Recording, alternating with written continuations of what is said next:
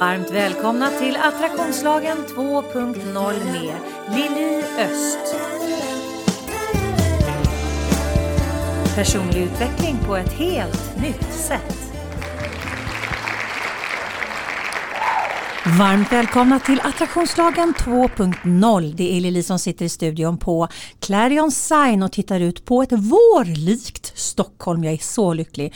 Det var inte så länge sedan jag satt och tittade ut här och det var snöstorm så att det här känns verkligen som att det avancerar i rätt, i rätt, eh, åt rätt håll.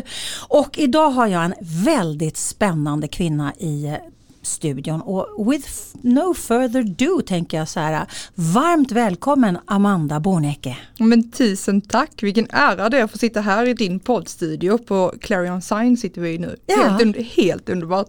Det var härligt och du kom liksom insurfande med tåget här för en stund sedan. Ja. Du susar förbi Stockholm idag och eh, kommer att gästa mig. Jag är jätteglad för det. Gud så härligt.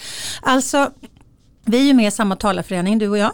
Yes. Idag är det första gången vi ses in real life. Vi brukar mest hänga på Facebook tillsammans. Exakt, men det känns som att jag känner dig ja, men eller hur? Vi har ändå skrivit och vi gillar varandras grejer. Ja, men precis. Det, det, här känns helt naturligt. Ja men det känns jättenaturligt och det är så härligt när man liksom inte har någon, det finns ingen tröskel utan det är bara så här, ja men du vet som jag sa. Man börjar liksom, där börjar man relationen. Man bara så här pang på rödbetan och så vet man bara liksom att ja men det är bara, det är ett samtal redan från början. Så att det kändes jättehärligt när du satt och väntade mig när jag kom inspringandes här i sista sekunden och slängde upp podddörren. Idag är det nämligen en stor dag för mig idag Amanda för att min dotter, alltså barn nummer två flyttar hemifrån så att idag, från och med idag är jag en mamma utan hemmavarande barn. Herregud. Ja. Hur känns det? Nu kommer det, det vara tomt hemma. Ja, det är blandade känslor kan jag säga. Så, att, eh, så därför har jag precis varit och hämtat nycklar och grejer innan jag sladdade in här. Ja, men det är faktiskt blandade känslor. Och, och min son, det var ju fyra år sedan han flyttade hemifrån men, men min bebis som är 21, hon är ju ingen bebis men hon är min bebis. Hon det är så det känns ändå med de yngsta. De blir ju alltid små. Ja, ja, ja, ja. och jag var ju, mamma, alltså jag var ju mammas bebis fast alltså hon dog för, för, fyra år sedan och, och jag var hennes bebis till jag var 54 och hon dog. Liksom. Ja, jag lovar att, att jag är fortfarande mammas bebis.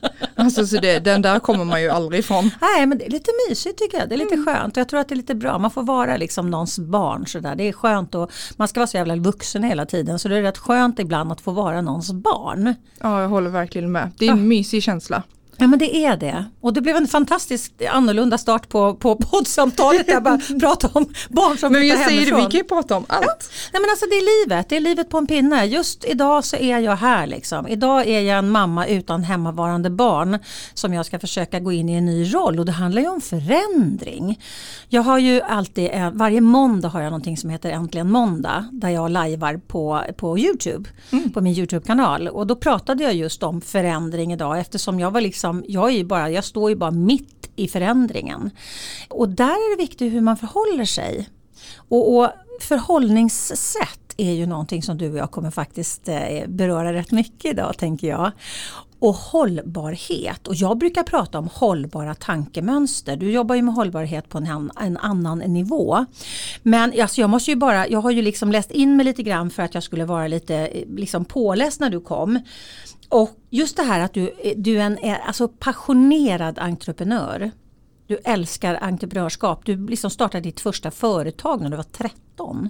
Stämmer. Och det var ju någonting som jag behövde för att frigöra mig själv, för att börja tycka om mig själv och liksom lägga all den här energin jag hade i mig på någonting positivt, vilket mm. jag inte gjorde innan jag var 13. Men där var det också mina föräldrar som fick in mig på attraktionslagen faktiskt väldigt tidigt. Och ledde in mig på en bana där jag kunde förvalta den energin på ett lönsamt sätt, tjäna pengar och fortfarande göra precis det jag brinner för. Mm. verkligen så bevara passionen. Heja dina föräldrar. Mm. Ja, jag tackar dem varje dag för eh, hur de hanterade den situationen när jag inte mådde bra mm. som tonåring. Och var, allting jag gör börjar på något sätt med den resan, med mitt första företag. Det var ju så jag kunde flytta hemifrån väldigt tidigt när jag var 15. Det, Oj. Var, det var också då jag fick eh, möjligheten att flytta till en annan stad och det var faktiskt där redan på gymnasiet som jag började plugga hållbarhet. Så utan hela den resan så hade jag aldrig hamnat där jag är idag. Och jag har en tatuering, en liten pil, en triangel som står för mina tre år på gymnasiet. För att jag alltid ska komma ihåg den riktningen som jag fick då. Och vad fint, och nu får jag rysningar på hela kroppen. Och gud vad fint. Det tyckte jag om. Och vad härligt att dina föräldrar liksom hittade, eller rättare sagt att de redan från början hade det synsättet så att de kunde hjälpa dig att sätta an din riktning. För att det är ju inte alla föräldrar som har möjligheten, tänker jag, att jobba med sina barn på det sättet. Mm. Jag har ju själv haft ett barn med, med eh, psykisk ohälsa och som coach jag är en lösningsorienterad coach. Man kan inte coacha en människa i djup depression. Vilket gör att det har ju varit en enorm utvecklingsresa för mig för att kunna liksom hjälpa och stötta som mamma men inte gå in med min coachande roll mm. och försöka laga och lappa och läka. Men däremot så har ju det lett till att vi har haft väldigt mycket vettiga samtal när hon har mått bra.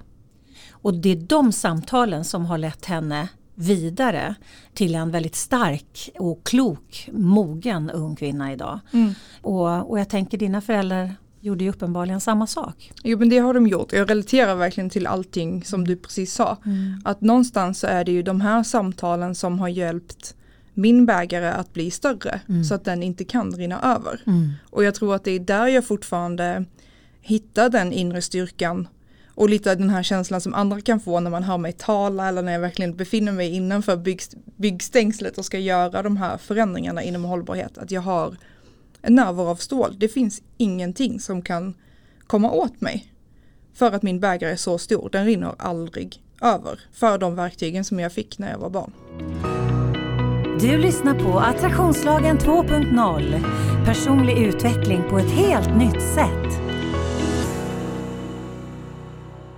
Och det är ju fantastiskt. Och det, det, är liksom, det är ju det är sweet music in my ears kan jag säga. För det är det man vill det är ju det man vill ge sina barn som förälder tänker jag. Men, men det är inte alla föräldrar som, som är intresserade ens en gång av personlig utveckling. Och då, då gör man sitt bästa som förälder och det finns hur mycket fantastiska föräldrar som helst där ute.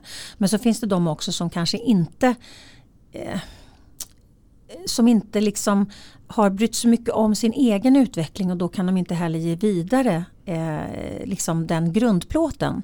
Sen har vi ju väldigt mycket ungdomar som mår dåligt. Mm. Och eh. framförallt inom klimatfrågor också. Ah. Alltså klimatångesten blir ju bara mer och mer varje mm. år bland mm. unga. Och att det verkligen är ett allvarligt problem som man måste ta tag i. Det är därför det har varit så himla skönt att mitt hållbarhetsarbete handlar mycket om klimatglädjen. Mm. För att i mina, så som jag är upplagd, så när vi pratar om glädje då får vi glädje. Men när vi pratar om ångest då får vi ångest. Ah. Så därför är det så viktigt att vi kommer bort ifrån det här gammalmodiga domedagsperspektivet som hållbarhetsfrågorna ofta får. Att världen inte ska ah. gå under imorgon utan vi, när jag talar så är det viktigt att sprida hopp och framtidsmotivation mm. och att man känner att det här faktiskt är möjligt konkret och att vi ska ha kul och vi ska börja redan imorgon. Mm. Eller kanske idag. Mm. Ja, man, brukar få, man brukar få ha liksom en eftermiddag till att smälta lite vad jag säger och liksom bara mm. okej okay, imorgon då sätter vi igång. Jag avslutar ofta mina tal med att jag inte tycker att vi ska börja med, vi ska inte uppnått målen till 2045 som är FNs liksom slutmål. Utan vi kan börja kvart i nio redan imorgon bitti. Mm. Ja men precis, för många gånger är det sådär när man har en lång plan så tror man liksom att man ska börja och fixa den i slutet av eh, den perioden i princip. Men du, alltså, du, eh, du studerar ju då hållbarhet, du har dubbelexamen eh, i miljökommunikation och management. Och så bland annat har du ju jobbat då, när du blev utexad så har ju du jobbat som hållbarhetscoach bland annat för Nordic Choice Hotels. Yes, Stämmer, de var en av mina första kunder som jag fick. Det är ju ashäftigt. Ja, det är så och coolt. ICA också bland annat. ICA, White Guide. Var, jag hjälpte dem att skriva White Green Guide för hela Västra Götaland. Så jag har ju inspekterat mataffärer och sen skrivit en guide på vilka som upplevde White Guides kriterier för att vara en grön matbutik. Ja. Så det var där jag började. Och sen just nu befinner jag mig i byggbranschen av alla branscher. Halkade in där på ett bananskal. Men på något sätt så är det superlogiskt för mig att när man jobbar med avfall och eh, framförallt farligt avfall på något sätt så kommer man liksom till så stora volymer. Mm. Så att du, du hamnar liksom i byggbranschen hur du än vill göra för det finns inte de här större volymerna någon annanstans. Nej, nej. Och där tänker jag, där kan man ju göra ett, en enorm påverkan. Jag såg bland annat att, att du pratar om att göra hållbara rivningar så att man liksom kan återanvända rivningsmaterialet till att bygga någonting annat och då är ju inte, det handlar inte bara om rivarna utan då handlar det ju redan liksom, då får man ju gå bort tre steg till arkitekten. Alltså det är ju en kedja Mm. som vi faktiskt kan skapa en enorm skillnad genom att faktiskt eh, att alla jackar i och, och, och eh, liksom bygger på den här nya, nya vågen. Mm. Och att det finns en samhörighet och en samverkan. Alltså byggbranschen just nu är väldigt stuprörsorganisation. Det är helt orimligt i deras värld att en arkitekt och en rivare att de ska samarbeta. Mm. Medan det var det första jag såg när jag kom in i byggbranschen att eh, fortfarande den processen som rivarna tillhör, den som jag oftast tillhör, den heter end of life. Döden. Och fy! Man bara kul att gå till jobbet eller jobba med material i, liksom, i den processen. Det är ju jättetråkigt. Den processen vill inte jag vara en del av. Så de senaste tre åren har jag undersökt vad som händer i byggbranschen om jag istället kallar den processen för beginning of life. Det här materialen får ett nytt syfte när vi demonterar dem istället för att demolera och bara få se hur de här fantastiska de byggnaderna får nytt liv. Med den här tegelstenen eller med den här betongen eller med just det trät ifrån den här unika platsen. Och där tänker jag också, där blir det ju liksom någonstans känner jag, för att om jag tittar på det ur ett energiperspektiv, vilket jag alltid gör eftersom jag älskar att bolla tillbaka till det. Och, och eftersom du också är inne på attraktionslagen i ditt sätt att tänka och hela ditt sätt att leva tänker jag. Och komma med det, jag kan ju bara titta på mina utmaningar Alltså jag har ju hållit på, jag började, började söka inom attraktionslagen alltså i, i tidigt 80-tal och började föreläsa om det 2003. Och nu är det 2021 och nu, nu börjar företag bli nyfikna på mig. Jag har ju jobbat mot företag i många år men, men i en väldigt smal nisch. För att det är ju jävligt skrämmigt som jag pratar om och det är ju liksom komma med nya idéer. Vänta nu här, så här har vi tänkt i alla år och komma här och komma och vad har du för bevis där och vad har du för belägg för det och så vidare. Och då tänker jag liksom, om jag tänker då byggbranschen som är extremt mansdominerad extremt så här har vi alltid gjort. Och du är en ung kvinna. Mm. Som pratar otroligt tuffa frågor och jag har Ah. ändå lyckats att, att hitta sätt att motivera den här målgruppen helt utan problem. Jag briljerar och det är helt fantastiskt. Så jag vill ju att mitt sätt att konsulta eller att coacha i hållbarhet ska bli en ny typ av norm i eh, egentligen alla tunga industrier. Inte Mm. bara där det är mansdominerat utan det handlar om att det är tunga industrier. Och då måste man tänka på ett speciellt sätt. Men eh, ett sätt som jag har när jag ska komma undan det här med att jag inte ser ut som min målgrupp är att jag då ofta pratar i symboler istället. För då tänker man utifrån symbolerna och inte utifrån mig som en person. Och jag älskar fåglar. Fåglar är ett jättestort intresse. Så jag pratar ofta i fåglar. Så den traditionella rollen i hur förändringsarbete ser ut i byggbranschen, den är en klassisk inspektör. I min värld en hackspett. Och en hack... Visst är det underbart? Det är jättebra. Så en hackspett går liksom runt och hackar på folk på byggarbetsplatsen och mäter bara saker vad som går dåligt. Mm. Och den förändringen vill du inte vara en del av. För du vill inte vara en del av någonting negativt. Nej. Så den ledarskapsstilen som jag har är ju att jag går ut till byggarbetsplatserna varje morgon som en larmklocka. Du, du, du, för att jag är en tupp. Jag är en, en väckarklocka, ett alarm som signalerar positiva känslor om miljöarbetet. Och mäter vad vi gör bra. För att i mitt sätt att konsulta så kan vi bara bevisa att vi blir bättre om vi mäter vad vi gör bra. Mm. Och tänk då i en bransch som har mätt bara hur de blir mindre dåliga för varje projekt. I flera decennium bak. Det är väl klart att de aldrig blir bättre. Nej, det, alltså man gräver ju där man står. Det går inte att komma vidare. Alltså om man tittar på det ur ett energiperspektiv med tanke på att universum är byggt i frekvenslager. Och precis som TV4 och eh, Kanal Plus inte ligger på samma megahertz och sänder så ligger ju inte positivt och negativt på samma megahertz och sänder. Mm. Vilket betyder att om vi har ett felfokus då kan inte det generera ett, till, eh, ett tillförselresultat. Mm. Det är en, en ekvation som inte går ihop. Det är som att liksom sätta sig på tåget till Malmö och inte fatta varför man inte hamnar i Göteborg.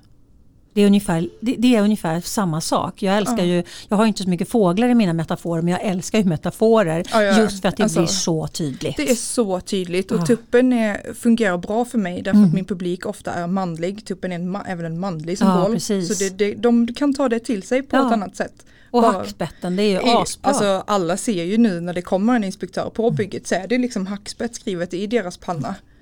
Och det, det är så himla roligt att det där börjar etablera sig nu.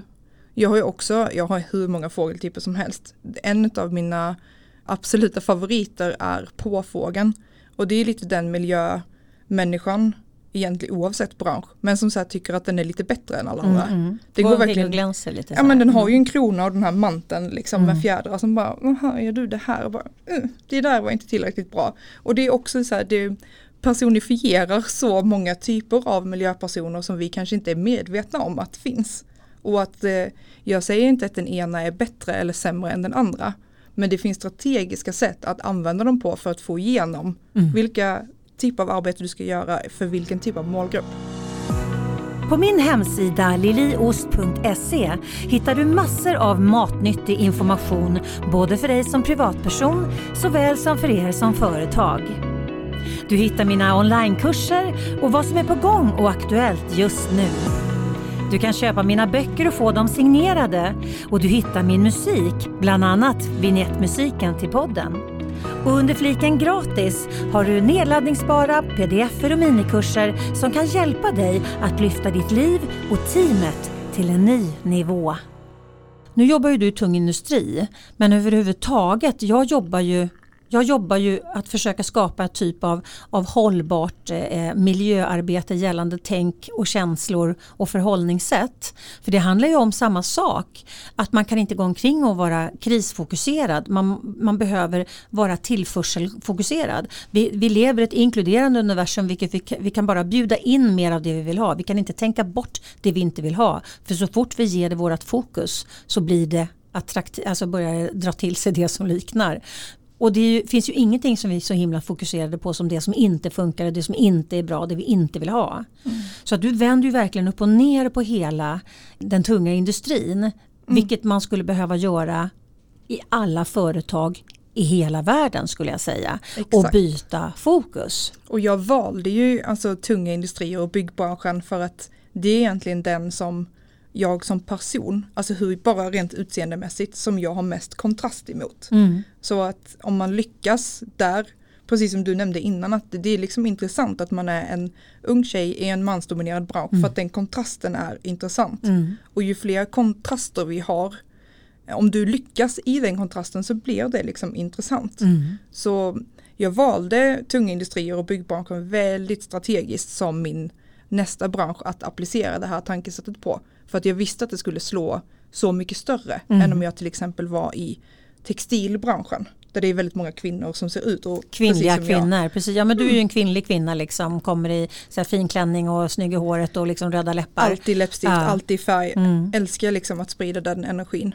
Så det är någonting också som är värt att tänka på att när man sticker ut så är det väldigt lätt att göra intryck också. Mm. Och om man då har ett budskap att förmedla så är det väldigt lätt att få igenom det mm. i sådana här strukturer för att det blir så normbrytande. Ja, precis. Så då ska man inte vara nästan likadan som dem utan då ska man vara helt jävla Pippi Långstrump.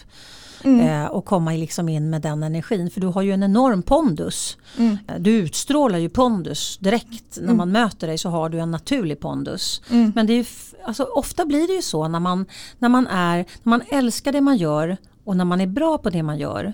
Då får man ett lugn i kroppen på den vänster och, då, och det det blir en, en ponduskänsla av den. Mm. För att man är liksom så grundad i det man sysslar med. Mm, ja, jag, är väldigt, jag har ju alltså ändå utforskat noga i min personliga utveckling vad som är min integritet och mina värderingar och vad jag står för. Mm, mm. och så har jag ju lärt mig att inte bry mig om om det är någon annan som inte håller med mig. Utan jag vet att jag vet exakt vad min dröm är och hur jag ska uppnå den. Mm. Så då följer jag den inre rösten, litar väldigt mycket på min magkänsla. För den har alltid tagit mig, liksom, min in intentioner har alltid tagit mig dit som där jag ska vara. Bra. Så det är så man följer den, eller det är då jag vet att jag är på den platsen där jag ska vara. Mm. När jag har följt min inre röst. Mm. Om man vågar stå på sig och säga nej. Det här med pondus och ha mycket färg. Att synas det är ju också normbrytande för att som kvinna i en, den typen av bransch så är de ju vana vid att se kvinnor i väldigt neutrala färger. Mm. Det är väldigt, eh, alltså, Kostym. Eh, jag menar att man ska vara tyst, inte säga så Mm. mycket, man ska inte ha för mycket åsikter.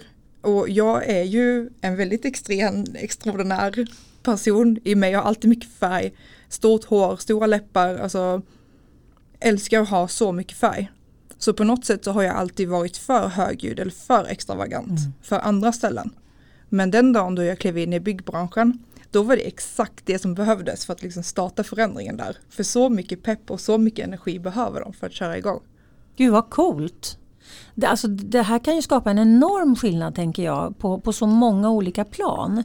Just det här också att, att vända tankar.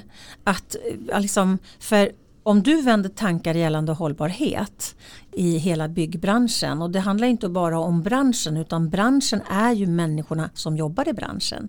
Och när man börjar skruva på kaleidoskopet eh, gällande hur man kan tänka, ja man kan tänka på det här sättet men man kan också komma härifrån och så tänker man på det här sättet och då får man de här resultaten. Åh fan, tänker man då, liksom, det här har jag inte tänkt att man kunde tänka så. Och då blir ju det liksom, då sår man ju ett frö som man helt plötsligt på ett privat plan eller ett kommunikativt plan eller och så vidare och så vidare. Nej men exakt och precis det som du pratar om nu. Alltså att bygga självkänsla hos sig själv Mm. och bygga inre styrka. För mig är det ingen skillnad om hur, hur du bygger attraktion för en hel bransch. Det är liksom samma kommunikativa mm. processer. Det handlar om att lyfta någon eller att lyfta en hel bransch. Men det är exakt samma kommunikativa nycklar som jag använder eh, i branschen idag som jag fick av mina föräldrar när jag var 13 år Mm. för mig själv. Och det, alltså, jag tänker att när man hittar ett vinnande koncept, det går att applicera det på vad man än gör. Jag, jag tänker och lever och eh, liksom fokuserar attraktionslagen eh, har gjort i många, många, många år. Men inte bara attraktionslagen i sig. Det är ju därför jag har skapat en metodik där jag blandar beteendevetenskap och attraktionslagen. För att annars blir det jävligt pling-plong. Liksom. Det, är ingen, det är ingen liten fluffig, liksom sådär, åh sätt dig ner på en pinne och önska så kommer det ramla ner i huvudet på det. Det är inte riktigt så det funkar. Nej, men sen är det ju också den intersektionen när man blandar olika ämnen som kan göra, det är ju det som är innovationen Mm. i det. När vi blandar två helt otippade ämnen. Ja, Kanske precis. hållbarhet och byggbranschen. Mm. För där finns det, det finns så mycket att hämta där när man hamnar i situationer, det är ju också personen, när man hamnar i situationer som man kanske inte är van vid. Den rädslan har ju blivit någonting för mig nu. Istället för att jag blir rädd och backar så blir jag glad och bara wow, här kommer jag lära mig någonting nytt. Mm. Nu är jag i min growth zone. Mm. Här kommer jag växa, här kommer jag lära mig någonting. Så det har jag lärt mig att jag bara kan, jag har ett mantra som är I can only fail upwards. För att- Smart. För att varje. Mm. misstag är liksom ett steg Mm. uppåt. Så att jag kan alltid, ja det har gjort mig helt orädd inför nya situationer för att jag vet att här kommer jag lära mig någonting och att jag aldrig kan begå något misstag. Ja, Jag förstår ju varför du har vunnit massa priser. Jag måste ju faktiskt få skryta lite grann för din, för din räkning här nu. Nu 2020, förra året, så blev du ju faktiskt nominerad till Framtidens kvinnliga ledare. Och när jag hör dig prata så blir jag ju alldeles lyrisk och varm i hjärtat och, eh, eh och bara liksom den här energin att våga vara i din power eh, och på det sättet som du är i din power den är ju otroligt inspirerande. Jag är ju typ dubbelt så gammal som du vilket gör att, att när du kommer med den energin här då kan ju du förändra framåt också på ett helt annat sätt eh, och skapa en annan typ av ledarskap för att vi behöver, vi är i ett paradigmskifte och vi behöver göra en förändring i vårt ledarskap eh, för att eh, det är väldigt många som inte har ett hållbart ledarskap skulle jag säga. Mm, absolut. Och speciellt inom de branscherna som jag verkar i Mm. så vet man inte riktigt hur man ska förvalta sitt alltså emotional kompetens. Att det där är verkligen någonting som saknas. Mm. Att man inte eh, är lyhörd eller förstår vad folk menar när de använder vissa ord eller sätter det i ett visst sammanhang. Och här med min bakgrund, precis som din bakgrund med kommunikation och beteendevetenskap. Mm. Det blir också en del av den här intersektionen där man blandar ämnen som inte är vana vid att få vara tillsammans. Nej, och men när man precis. gör det så blir det bara någonting magiskt Ja. av det. Det kan bara bli bra. Ja, och det är så häftigt, det är så otroligt coolt att, att göra de blandningarna. Det är ju därför jag envisas liksom med att inte göra som alla andra. Mm. Jag har aldrig varit som alla andra. Det betyder inte att jag alltid är rätt men betyder, det betyder att jag, det är viktigt för mig att vara i min riktning. Ja, samma. Jag värnar mycket om min egna att vara originell. Mm. Eller att om någon säger till mig att nej men det där kan du inte göra. Eller det där kan du inte ha på dig. Då måste jag göra det. Eller och det blir liksom Det direkt, jag bara okej, då vet jag att jag måste göra det. precis. Eh, och det kan vara, det är alltifrån vilka kläder man kan ha på sig till liksom vad man får säga och Mm. hur man ska säga någonting. Mm, mm. Där vill jag gärna in och skruva istället för att se vilka nycklar som finns för att liksom låsa upp beteenden. Ja, vi har så mycket paradigm. Eh, otroligt mycket paradigm som ligger och stör ut. Som är liksom gamla skitsanningar som ingen, ingen liksom har någonting att vinna på. Att, att eh, härbärgera. Men ändå så är det så lätt att vi bara fastnar i de sanningarna och så bara liksom mal vi på och sen så helt plötsligt så ställer man någon mot väggen och så ställer man, men du, alltså, hur, hur känner du gällande det där sanningen liksom? Så börjar man tänka efter och så inser man så här, men jag håller ju inte ens med om det här det var värst. Det här har jag gått omkring och liksom proklamerat i åratal. Och så helt plötsligt så inser jag att ja, men jag, jag står ju egentligen inte bakom det här. Men jag har visst inte tänkt efter. Mm. Och det är lätt att man hamnar där, att det liksom, man bara lever på i de här gamla hjulspåren. Mm. Och då behövs det lite Pippi Långstrumps, eh, både killar och tjejer som, som liksom kan skruva på eh, kaleidoskopet lite grann. Du, sen har ju du faktiskt blivit nominerad till Guldhuset 2018. Mm. Vad innebär det? Guldhuset handlar om samhällsbyggare. Att man har varit med och eh, byggt någonting för samhället eller att man bara har eh, det kallas för en trailblazer när man liksom banar ny väg i en bransch som man inte har sett innan. Och då blev jag nominerad för Guldhuset 2018. Wow! Och sen så var du finalist som återvinningsinspiratör 2019. Ja, en avfallsgala den finns. Och där var jag nominerad. Ja. Förlåt! Det är först, jag visste inte att det fanns avfallsskalor. Och den är stor, det är liksom en utav, om man bortser från alla de TV4-galorna till Ja, exempel, ja. Så, här, så är det, det är en av de största branschgalorna vi har. Den branschgalan som leder är Betonggalan. Det är byggbranschens största gala och det var också helt okej, det finns en gala bara för betong, det vilket är helt otroligt. Men det var ju där jag tog hem det första priset som jag är riktigt, riktigt stolt över, som är årets miljöpris. Ja det var ju fantastiskt och det var ju då 2019 också. Mm. Då hade du på dig återvinningskläder. Ja, jag ville att mina, min galaklänning skulle matcha mina ambitioner för branschen. Så jag hade ju en klänning av olika avfallstyper ifrån byggbranschen. Alltså målet var att ha en, en hel outfit av återbrukat rivavfall.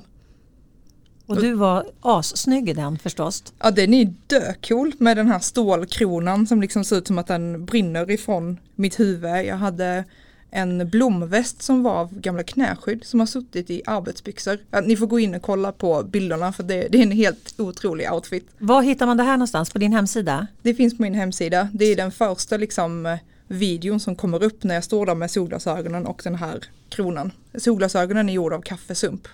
Åh gud så härligt. Och vad är adressen till hemsidan? Det är amandabornicke.com. Och Bornicke, hur stavar du det? Det är B-O-R-N-E-K-E. Ja.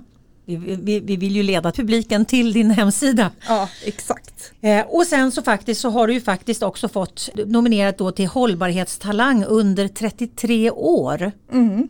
2019. Mm. Och vad innebär detta liksom? Det, var, det är också ett pris som jag är oerhört stolt över. Därför att när jag eh, tog min eh, masterexamen, då fick jag inga jobb.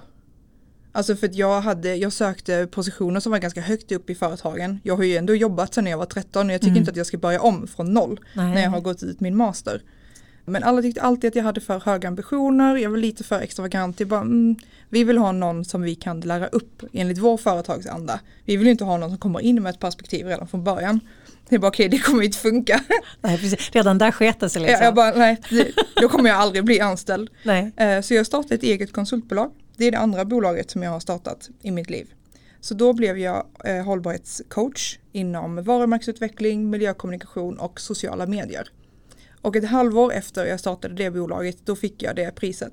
Så det är ju liksom ett stort, verkligen fuck you till alla som inte trodde på mig mm. när jag gick ut min master. Verkligen. Behöver du hjälp att sortera i ditt liv?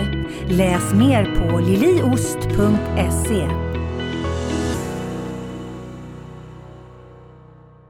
Och där tänker jag, alltså återigen det här med, med förändring och komma med nya idéer som de inte har tänkt ännu mm. eh, och kanske aldrig kommer tänka för att de har fastnat i sina tankesnurror och så kommer någon ung tjej mm. dessutom. Och jag, jag upprepar det ofta hör jag. Men jag tycker det är så coolt. För mm. att det är så ofta som man, man blir borträknad. Både som tjej men också som ung tjej. Mm. Eh, blir man borträknad. Och, och alltså det är förlegat. Mm. Det är förlegat att räkna bort unga ambitiösa människor med smarta idéer.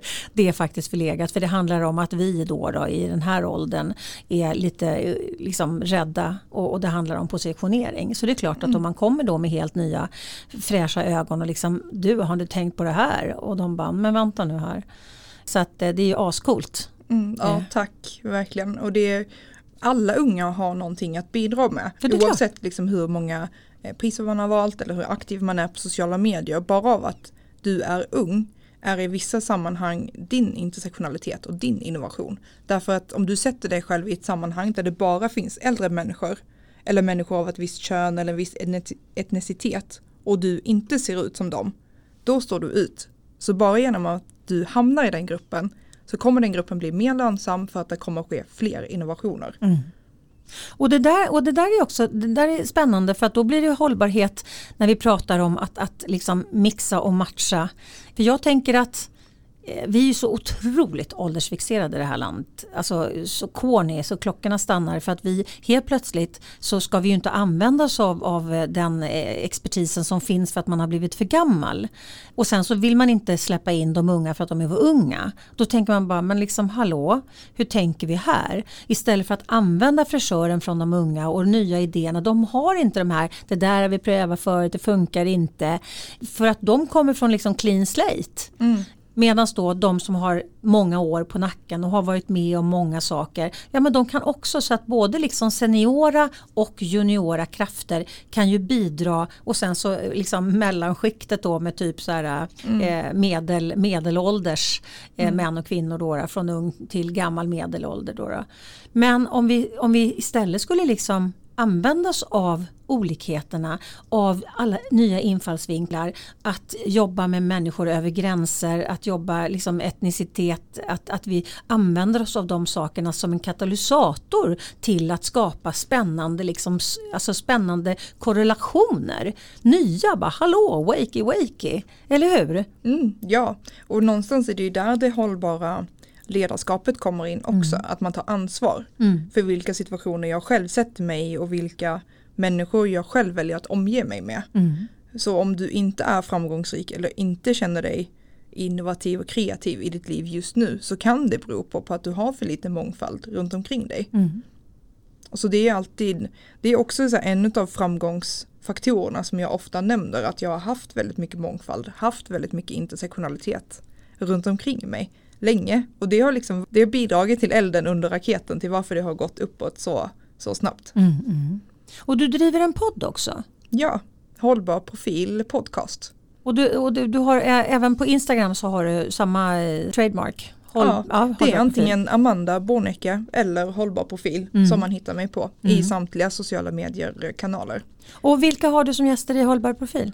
Där har bland annat Kai Török varit. Han är hållbarhetschef och mm. informationschef på Max hamburgare. Mm. Fantastiskt avsnitt där vi sitter och pratar miljökommunikation. Spännande. Och när startade du den här podden? Den startade jag för att uppmärksamma Overshoot Day. Alltså den dagen som vi har förbrukat alla jordens resurser. Så man kan ju tänka sig att vi har gjort en årsbudget för hela året men att pengarna tar slut redan i april. Och så funkar det med jordens resurser också. Mm. Och då försökte jag kontakta en massa lokaltidningar och nyhets-tv och bara vi måste skriva någonting om Overshoot Day.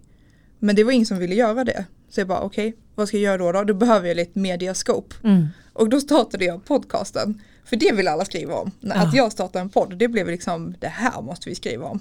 Så då fick jag en chans att få in Overshoot Day ändå. Smart. Smart, man får inte vara dum. Nej, så det gäller att ha sina eh, knep för att nå igenom Mm. mediebruset Mm. och förstå vad som är en nyhet. För det är också, då- då handlar det om att förstå vad som är attraktivt för någon annan. Och på något sätt använda det väldigt strategiskt för att göra en beteendeförändring. Mm, mm. Vill du supporta podden? Gå in på liliost.se supporter.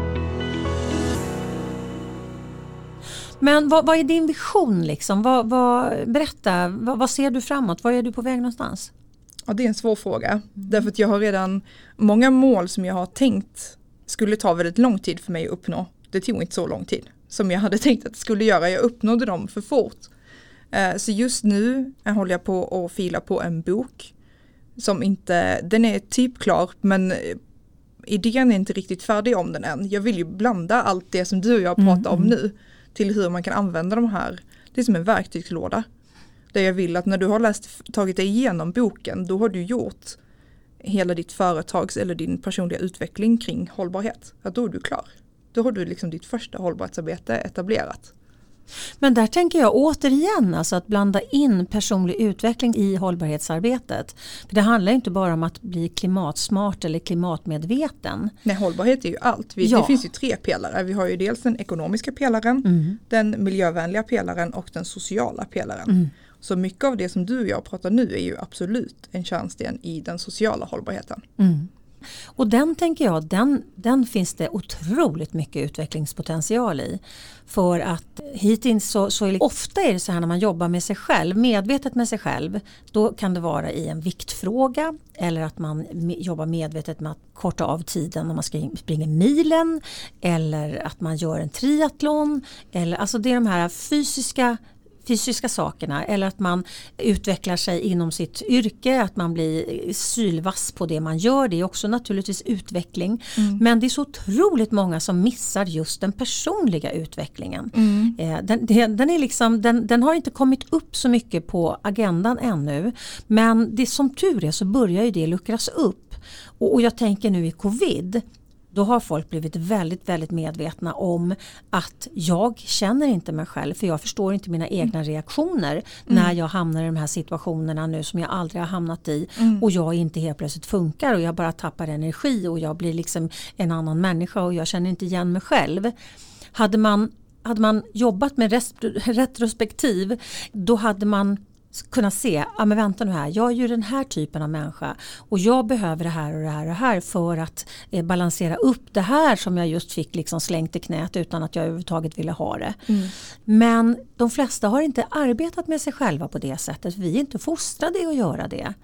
Här ska man liksom gå in redan i skolan och, och jobba alltså, från småskolan och framåt för att liksom både, alltså, har, vi har pratat många, många gånger om just det här att få in ämnet livskunskap i Vet du skolan. vad, jag hade det när jag gick i grundskolan. Jag hade livskunskap. Och vad fick ni lära er där?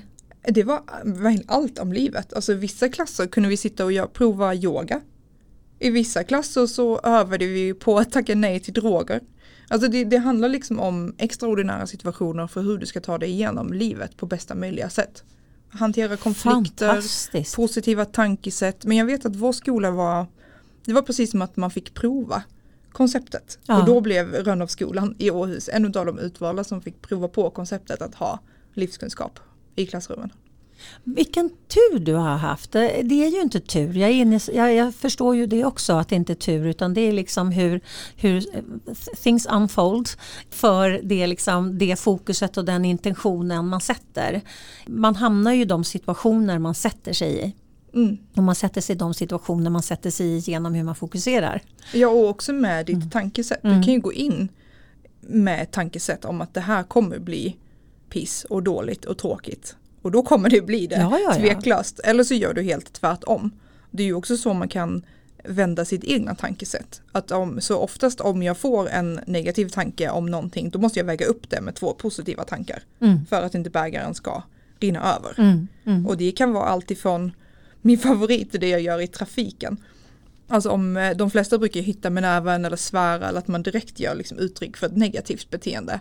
Men jag kan börja le eller göra slängkyssar, alltså bara "Mwah, ha en fin dag. Alltså det, och människor är så ovana vid att få kärlek. Alltså de blir nästan mer provocerad av det än om man skulle svära och hitta med näven. Mm. Och det är ju eh, helt förfärligt att vi lever i en värld där kärlek är någonting som är så oväntat så att det blir provocerande.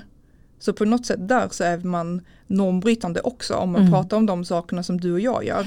Eh, för att folk är inte vana vid att höra det. De Nej. är inte vana vid att bli bemötta bra på det sättet även om de kanske inte behandlar mig så bra. Så eh, till exempel om det var precis ett nyhetsskop om eh, att jag blivit utsatt för vissa sexuella trakasserier i byggbranschen på sms. Det är ingenting som har gjort någonting fysiskt. Det var efter jag var med i ett byggreportage. Eh, Så tyckte folk att jag var väldigt snygg och kände sig i friheten att skriva lite grejer till mig. Men jag kunde inte ta det, alltså hur jag tänker kring det är att jag bara ser en människa som inte mår bra. Mm. Och att jag kan inte vara, vara arg på en människa som inte mår bra. Då måste man bemöta dem med ett annat typ av ljus. Och Mm. säga till dem att det där är helt okej. Jag har ju ditt nummer här. Du kommer vara med på den här listan nu som jag lämnat till facket. De kommer erbjuda dig hjälp om du behöver någon att prata med. Jag förlåter dig för det du gjorde. Vi vet båda två att det var väldigt fel. Men så viktigt att sträcka ut en hand till de människorna som aktivt ber om hjälp och lära sig att se det. Mm. Att det där är en människa som ber, ber om hjälp. Ja, det, och det där är intressant. Jag, jag hade Antoni Lassinai, en av våra andra Ja. kära kollegor i podden. Och han är ju från Kristianstad också. Jaha, Där, där jag är ifrån. Jaha. Så vi har ju sagt att vi ska ses nästa Ja. gång jag är hemma. Så ja, är vad härligt. Ja, men han är fantastisk han Ja, också. magiskt. Ja, verkligen. Men han berättade i alla fall om en episod eh, när han var på ett flygplan. Och en snubbe och han liksom ställer sig upp samtidigt när planet har, har eh, stannat och man får spänna av säkerhetsbältet och liksom stä- ställa sig upp. Och så ställer de sig upp samtidigt som de liksom touchar varandra. Och den här mannen blir så förbannad och bara, åh, du bara liksom kalla Antoni för namn och, och verkligen eh, hytte med näven och så här. Och Antoni gick i respons på det och bara nej men ursäkta mig då. Du vet, sådär. Och, men ångrade sig sen verkligen för att han, just den här grejen, han hade förväntat sig, den här mannen var ju uppenbarligen, han mådde ju inte bra. Det var ju inte Antoni att han hade liksom rest sig samtidigt som gjorde att han exploderade utan det var ju droppen som fick bägaren att rinna över. Och många gånger så har vi lite för bråttom med våran egen reaktion för att det kanske är så att våran bägare är lite för tajt. Eh, så att vi inte riktigt kan, kan hantera det. Vi, vi, vi glömmer att räkna till tio utan vi går rakt i reaktion som kanske inte är så smart och sen så efteråt så tänker man bara, nej men vad 17 gubbar, vad gjorde jag nu?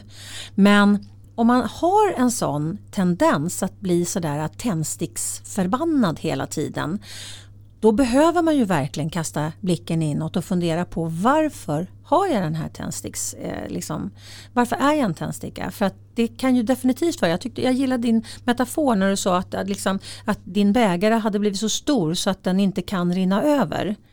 Och det handlar ju om ett arbete inifrån och, och ut. Det handlar ju inte om utifrån och in utan det måste starta på insidan och liksom tänja bägaren inifrån och göra den vidare och vidare. Och ju mer vi kan skapa en vidare, alltså ju mer, ju mer vi faktiskt ger oss själva space eh, att få plats i våra egna liv desto mindre behöver vi ju reagera som tändstickor om det är någon som har en dålig dag eller som har otur när man tänker eller har ingen aning. Han kanske liksom hade förlorat sin fru eller, eller vad det nu kan Alltså man vet ju inte. Nej Men- exakt, men så måste man ju börja tänka. Istället för att hamna i den här eh, defensiva, för det är också en negativ spiral Mm. för en själv. Det säger ju egentligen mer om hur du pratar till dig själv Mm. än hur du pratar till någon annan. Alltså oftast om någon attackerar en eller om någon ja, bara så här, ordspyr brukar jag också säga att någon bara, de bara ordspyr på Mm. dig. Då har det oftast ingenting med, med mig att göra utan jag kanske har triggat någonting i mitt professionella jobb som det oftast är. Men det har ingenting med mig personligen att göra. Det är, det är skillnad på eh, artisten och konstverket. Mm. Och att man måste särskilja dem, att det kanske inte är en kritik till mig personligen utan det är en kritik på mitt konstverk men det har ingenting med mig personligen att göra. Man måste separera på, på jaget. Mm. Och det där är ju så otroligt kloka tankar för att jag tror att det är väldigt många som, som inte kan göra den separationen. Och, och då blir man ju liksom, då är det ju så lätt att, att man hamnar själv i bajspåsen. Hamnar du lätt i negativa tankemönster? Tar du ut oro i förskott? Känner du att livet skulle kunna vara så mycket mer men du vet inte hur du ska komma vidare? Då är onlinekursen Ta kontroll över ditt liv med såklart-metoden precis vad du behöver. Du hittar den på liliost.se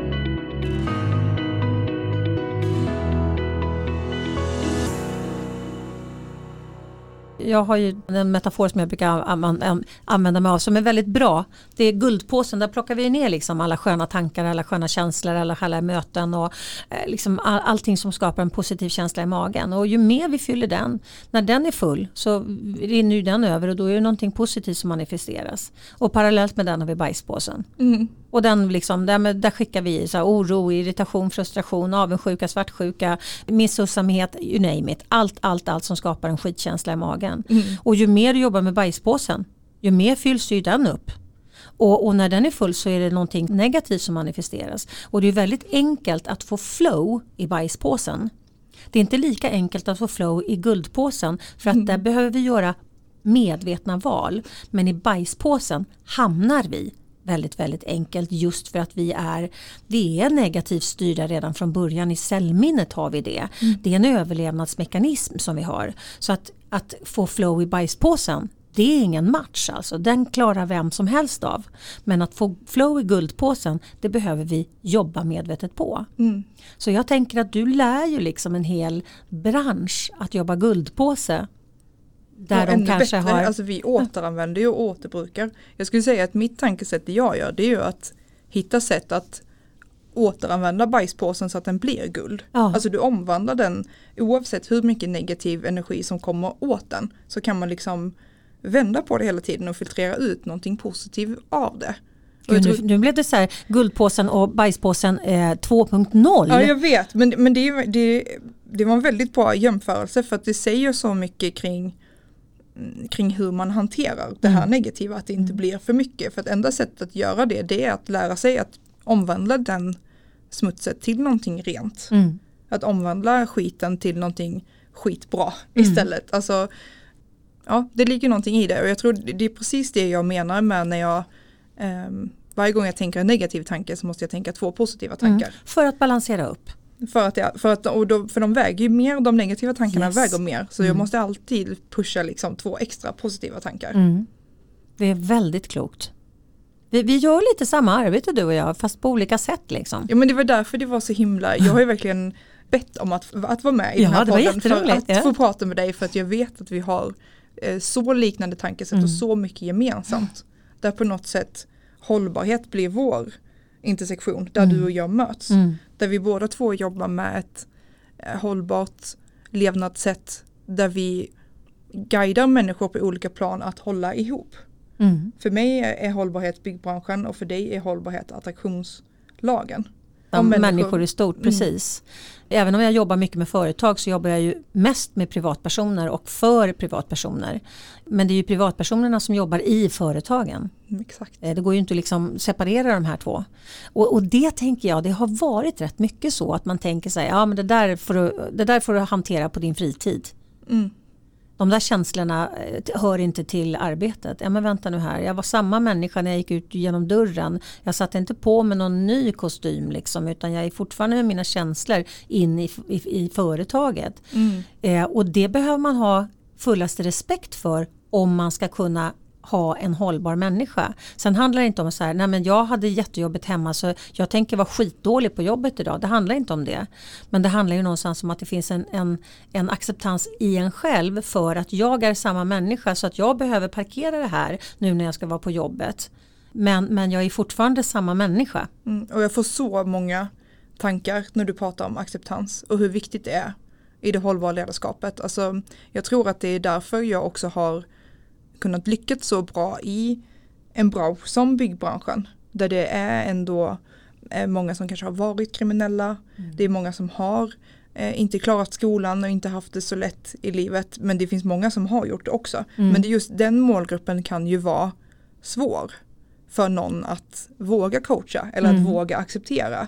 Att ha kollegor som har fotboja eller att ha kollegor som har varit före detta porrstjärnor och nu hamnar de liksom i byggbranschen för att det är där de, det är mer hälsosamt ju ändå att jobba mm. i en sån bransch.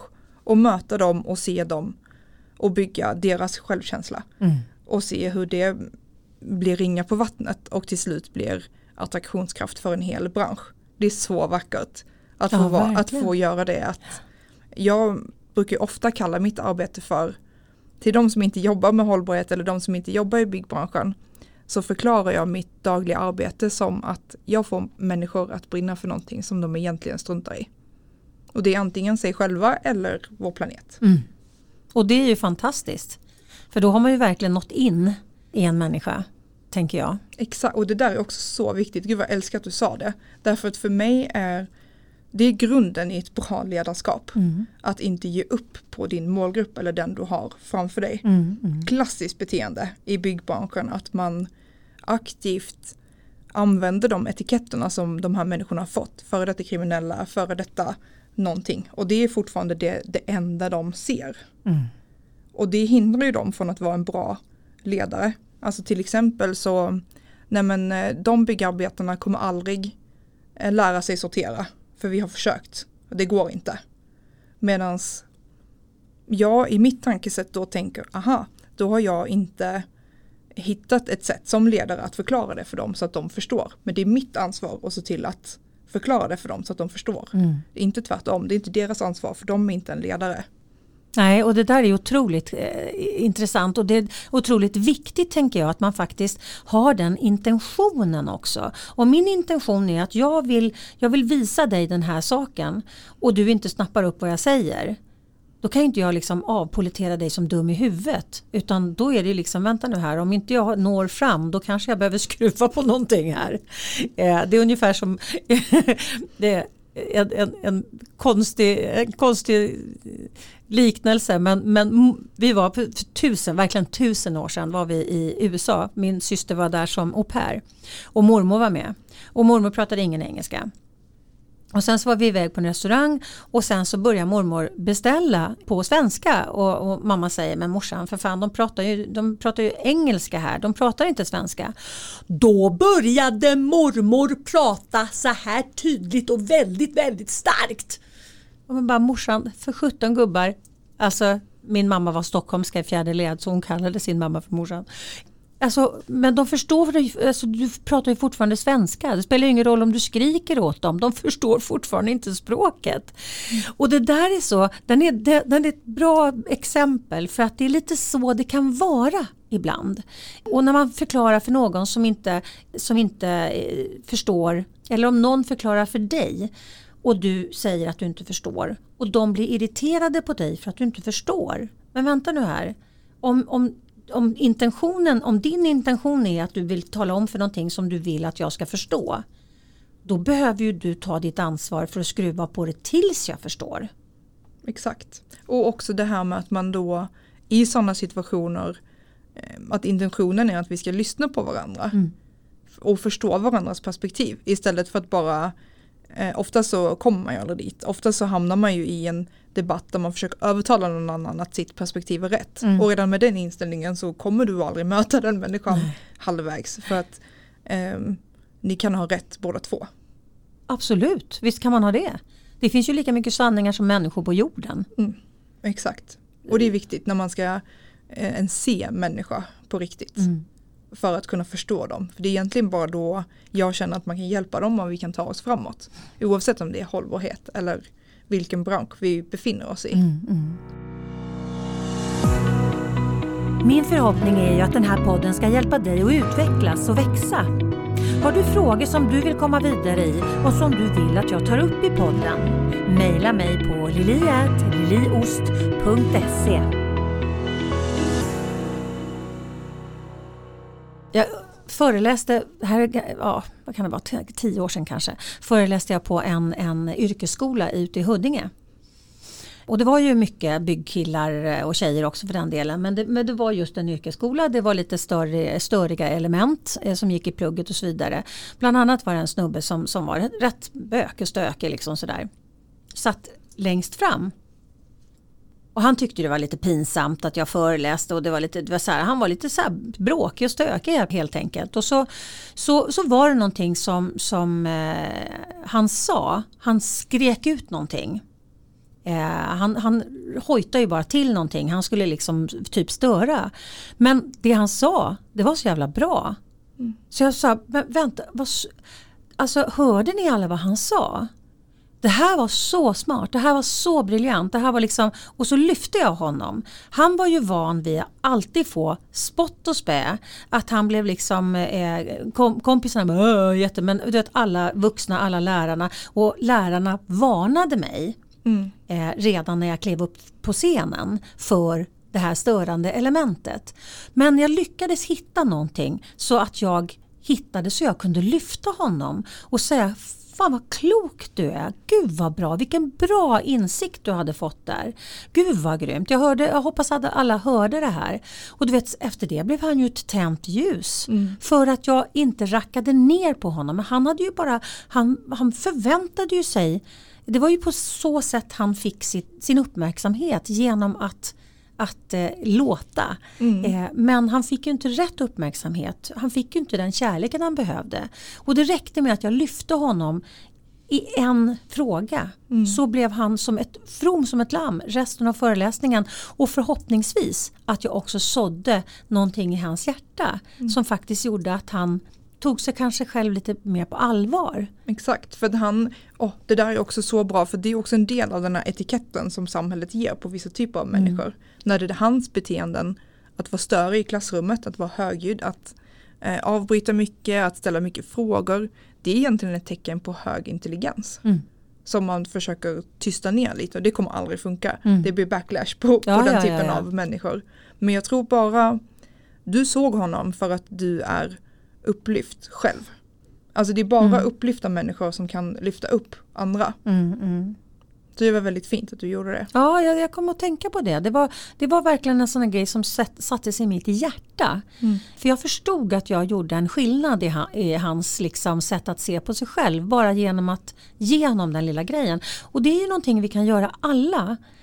Ganska enkelt faktiskt att, att, våga, att våga att våga lyfta andra människor. Helt, alltså jag är en sån här människa, jag älskar ju, kanske inte, jag kan säga när, jag, när, när mina barn var små, då hade jag väldigt väldigt svårt att säga att man ska inte, man ska inte prata med, med, med okända människor. Jag pratar typ med, med alla. Vissa på bussen på vägen ja, hit. Precis. Fick fyra nya kompisar på vägen hit ifrån centralstationen och hit. För det var liksom kaféet, receptionen. Alltså det, man möter ju människor överallt som jag måste prata med. Ja, jag kan inte låta bli. Nej, och, liksom, och jag älskar att, att ge folk komplimanger ja, när samma. de minst anar det. Liksom. Det kan vara någon som har någon snygg kappa på sig eller någon, någon snygg rock eller någon som är snygg i håret. Ja, du vet, de blir så här, tack! Och det kan man ju liksom den lilla, lilla, lilla, lilla saken och det är jätteofta jag tycker folk har snygga kläder och då är det som, gud ursäkta jag måste bara få veta, var har du köpt din ursnygga vad det nu kan vara för någonting. Mm. Eh, Dels för att jag vill veta var de har köpt den men framför allt för att liksom ha en anledning att bara liksom sprida lite kärlek. Mm. Och det är så enkelt. Och, och, det som man gör det är ju att jag jobbar ju med min guldpåse också. För att vi tycker om att ge. Och när vi ger någon med, från hjärtat till hjärtat och får det här plinget, energiplinget emellan oss. Mm. Då fyller ju både du och jag på våra guldpåsar. Exakt. Det här så. är tuppen. Alltså det här ja. är exakt det jag kallar ja. för att vara tuppen ja. istället för att vara hackspetten. Mm. Och alltså så som jag använder det mest det är ju också för att förändra beteenden. Alltså mm. använda komplimanger för att förändra beteenden. Så till exempel på en byggarbetsplats när jag ska göra min skyddsrond och räkna hur många gubbar som har skyddshjälmen jämfört med de som inte har det. Då går jag runt och ger komplimanger till alla som har hjälm. Mm. Men jag lägger ingen energi överhuvudtaget på de som inte har hjälm de får inte min uppmärksamhet. Nej, det du kastar ljuset på växer. Exakt, och mm. det tar på riktigt bara två, tre dagar ute på den byggarbetsplatsen så kommer ju de som inte har haft hjälm och liksom Amanda, kolla här, ser du vad jag har på huvudet? Mm, mm, ska du inte säga någonting? Och så enkelt är det Ja. ibland att förändra ett beteende. Så det är oftast när jag berättar vad mina hemligheter är för framgångsrikt hållbarhetsarbete, komplimanger eller positiv kommunikation är en av dem. Mm. Och det är ju så, på något sätt så är det så enkelt Och ändå är det så svårt för folk att liksom komma på det ens en gång. Att komma dit ja. Och att det, ba, det är så enkelt ibland som att bara ge en komplimang eller att döpa om någonting till någonting positivt. I byggbranschen finns det ju avvikelser till exempel. Det är så man mäter allting. Det är en typisk hackspettsgrej. Mm. Att man ska mäta vad som går fel. Medan en tupp i så fall mäter en förbättring istället. Och redan där så blir man en del av någonting positivt. Och då kommer folk vilja följa med dig i din rörelse eller i oavsett vilken förändring som du vill uppnå så har namnet och hur du presenterar det oerhörd betydelse för hur stort genomslag du ska få. Ja det är klart, för alltså, hakar du på med hjärtat då hakar du på någonting som du vill tillföra i ditt liv. Mm. Du vill inte liksom säga ja, jag vill jättegärna ha ännu mer plåga. Här går jag in. Mm. Ja, Men ofta så blir det ju så när man pratar hållbarhet. Mycket bygger ju på hat och domedag och att eh, jorden kommer gå under eller att människor kommer att dö. Ehm, det är väldigt alarmerande och väldigt liksom krissituation. Nu, vi måste agera nu, nu, nu, nu. Mm, mm. Och det, när jag har jobbat med förändring så upplever jag att det där funkar för väldigt kortsiktiga, snabba förändringar. Mm. Men ska man jobba långsiktigt och lönsamt så krävs det en annan typ av kommunikation för att verkligen alla ska eh, hoppa på det här klimattåget. Så när jag analyserade kommunikation under min master så fick jag ju reda på att den eh, kommunikationen om hållbarhet som finns, den riktar sig bara till de här 5 procenten som redan är sålda på idén att det är Mm. klart att vi måste jobba med det här. Och att det egentligen finns ingen annan kommunikatör i Sverige som jobbar med de andra 95 procenten. Och där är jag. Det är där jag jobbar. För liksom den stora massan. Mm. För de som verkligen tycker att det här är så tråkigt och så komplicerat. Det här med att få hjälpa människor att brinna för någonting som de egentligen struntar i. Det har verkligen blivit eh, min dröm och någonting jag är så tacksam för att jag får genomföra varje dag. Och min, eh, för att avsluta det här poddavsnittet lite så kommer jag ha en uppmaning till alla er som lyssnar, för, som har med det här avsnittet att göra. Och det är att jag vill att ni ska ge minst två komplimanger idag när ni hör det här avsnittet. För då kommer vi sprida ännu mer kärlek. Vilken, vilken bra avslutning på podden Amanda, det här var perfekt. Och det här är ju, grejen är om man, om man pratar om det kollektiva medvetandet. Ju mer vi jackar i det kollektiva medvetandet med positiv energi, ju mer sprider vi till hela det kollektiva, det är alltså för hela världen. Så att när vi ökar upp, axar upp våra positiva saker här i Sverige så kan det liksom börja, det är ju som eh, fjärilseffekten, då händer det saker liksom i Rio. För att vi, vi jackar upp eh, våran energi här och ju mer vi kan jobba med det. Och du gör ju en hel bransch. Mm. Så det får ju en enorm katalysator, det blir ju en enorm katalysator som Bara sen gåshud nu. Alltså, ja men det blir ju så. Ja, men det är skithäftigt för att det blir ju, det blir ju alltså små steg blir till slut kvantsteg. Mm. För att den ackumulerade effekten Mm. blir större och större vilket gör att den får större och större eh, spridningsområde. Mm. Exakt. Så att you Så- go girl. Tack! Så nu ska alla ni som lyssnar få ge en komplimang till er partner, till er syrra. Jag bryr mig inte om det är till brevbäraren men ni ska ge ut två komplimanger innan den här dagen. Absolut. Och gärna till någon som ni inte känner. Ja, ju mer distanserat desto bättre. Och tycker ni om det som jag har pratat om så får ni jättegärna följa mig i sociala medier. Jag heter som sagt Amanda Bornecke och eh, brinner verkligen för hållbarhet. Jag jobbar med att få människor att brinna för någonting som de egentligen struntar i. Mm. Tack så jättemycket för att du lyssnade på mig. Och tack snälla du för att du var här i podden. Och tack snälla du som lyssnar där ute och varmt välkommen tillbaka nästa vecka. Hej då! Hej då! Du har lyssnat på Attraktionslagen 2.0. Vill du supporta podden, gå in på liliost.se supporter. Och tycker du att det vi pratar om här i podden är viktigt, dela gärna i dina kanaler. Tänk efter lite grann. Hur har du det omkring dig nu? Är du nöjd? Är du nöjd med det du har? Var är du i ditt liv? Har du funderat på att ta ett annorlunda kliv? Känner